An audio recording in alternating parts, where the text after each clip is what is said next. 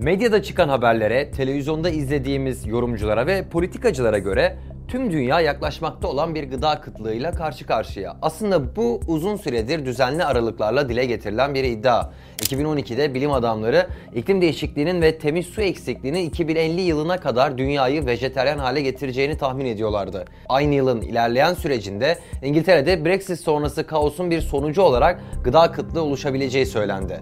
Mart 2020'nin başında bu kez koronavirüs yeni gıda kıtlığı iddialarının gerekçesi oldu ve tedarik zincirindeki aksamalardan dolayı süpermarketlerde gıda bulunamayacağı iddiaları yayıldı.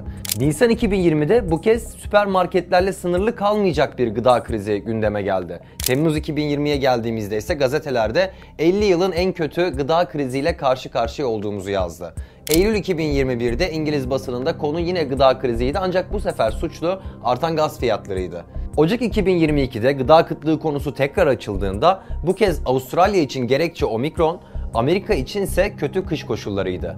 2022 yılında ise gıda krizi beklentisinin bir numaralı gerekçesi Rusya'nın Ukrayna'ya müdahalesi oldu.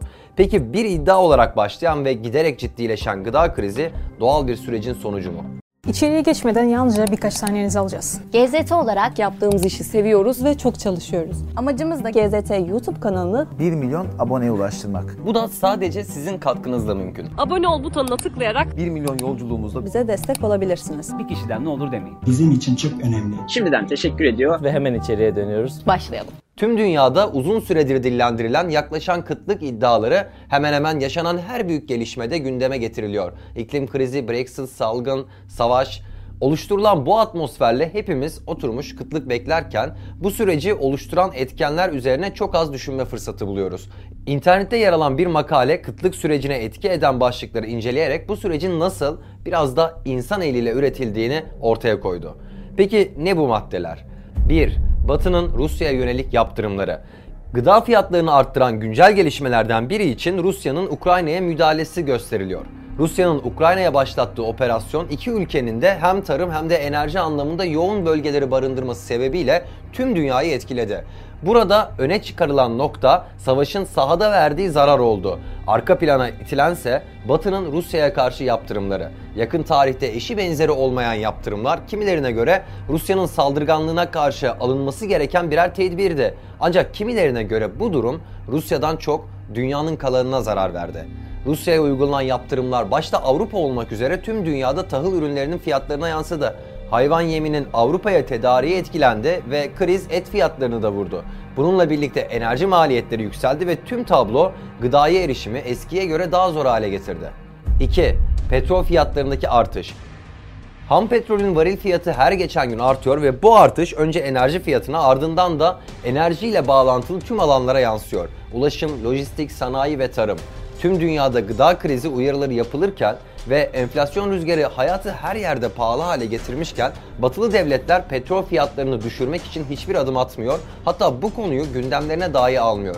Üstelik de Rusya dünyanın en büyük petrol ihracatçılarından biriyken böyle bir çabayla Rusya'nın gelirine önemli bir darbe vurabilecek durumdalarken bunu gündemlerine dahi yapmamaları hayli dikkat çekici.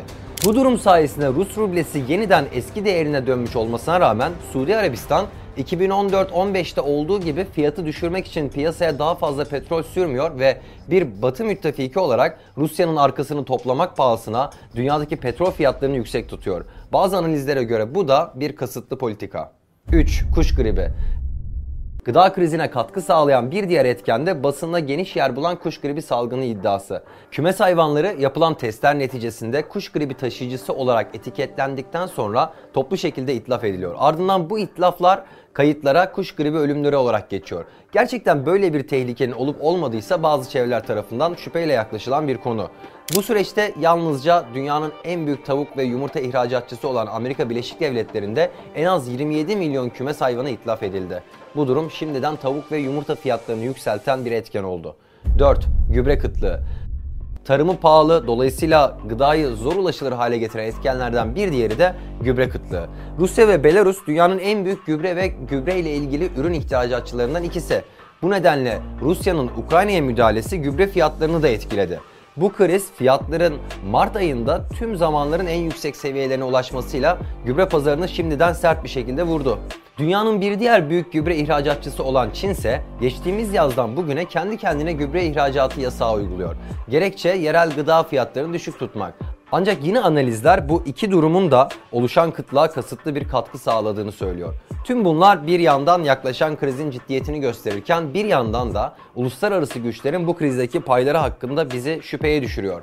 Dünya tarihinin Sovyetlerden Hindistan'a kadar pek çok yerde tanık olduğu kasıtlı kıtlık 21. yüzyılda tüm dünyada şekillendiriliyor.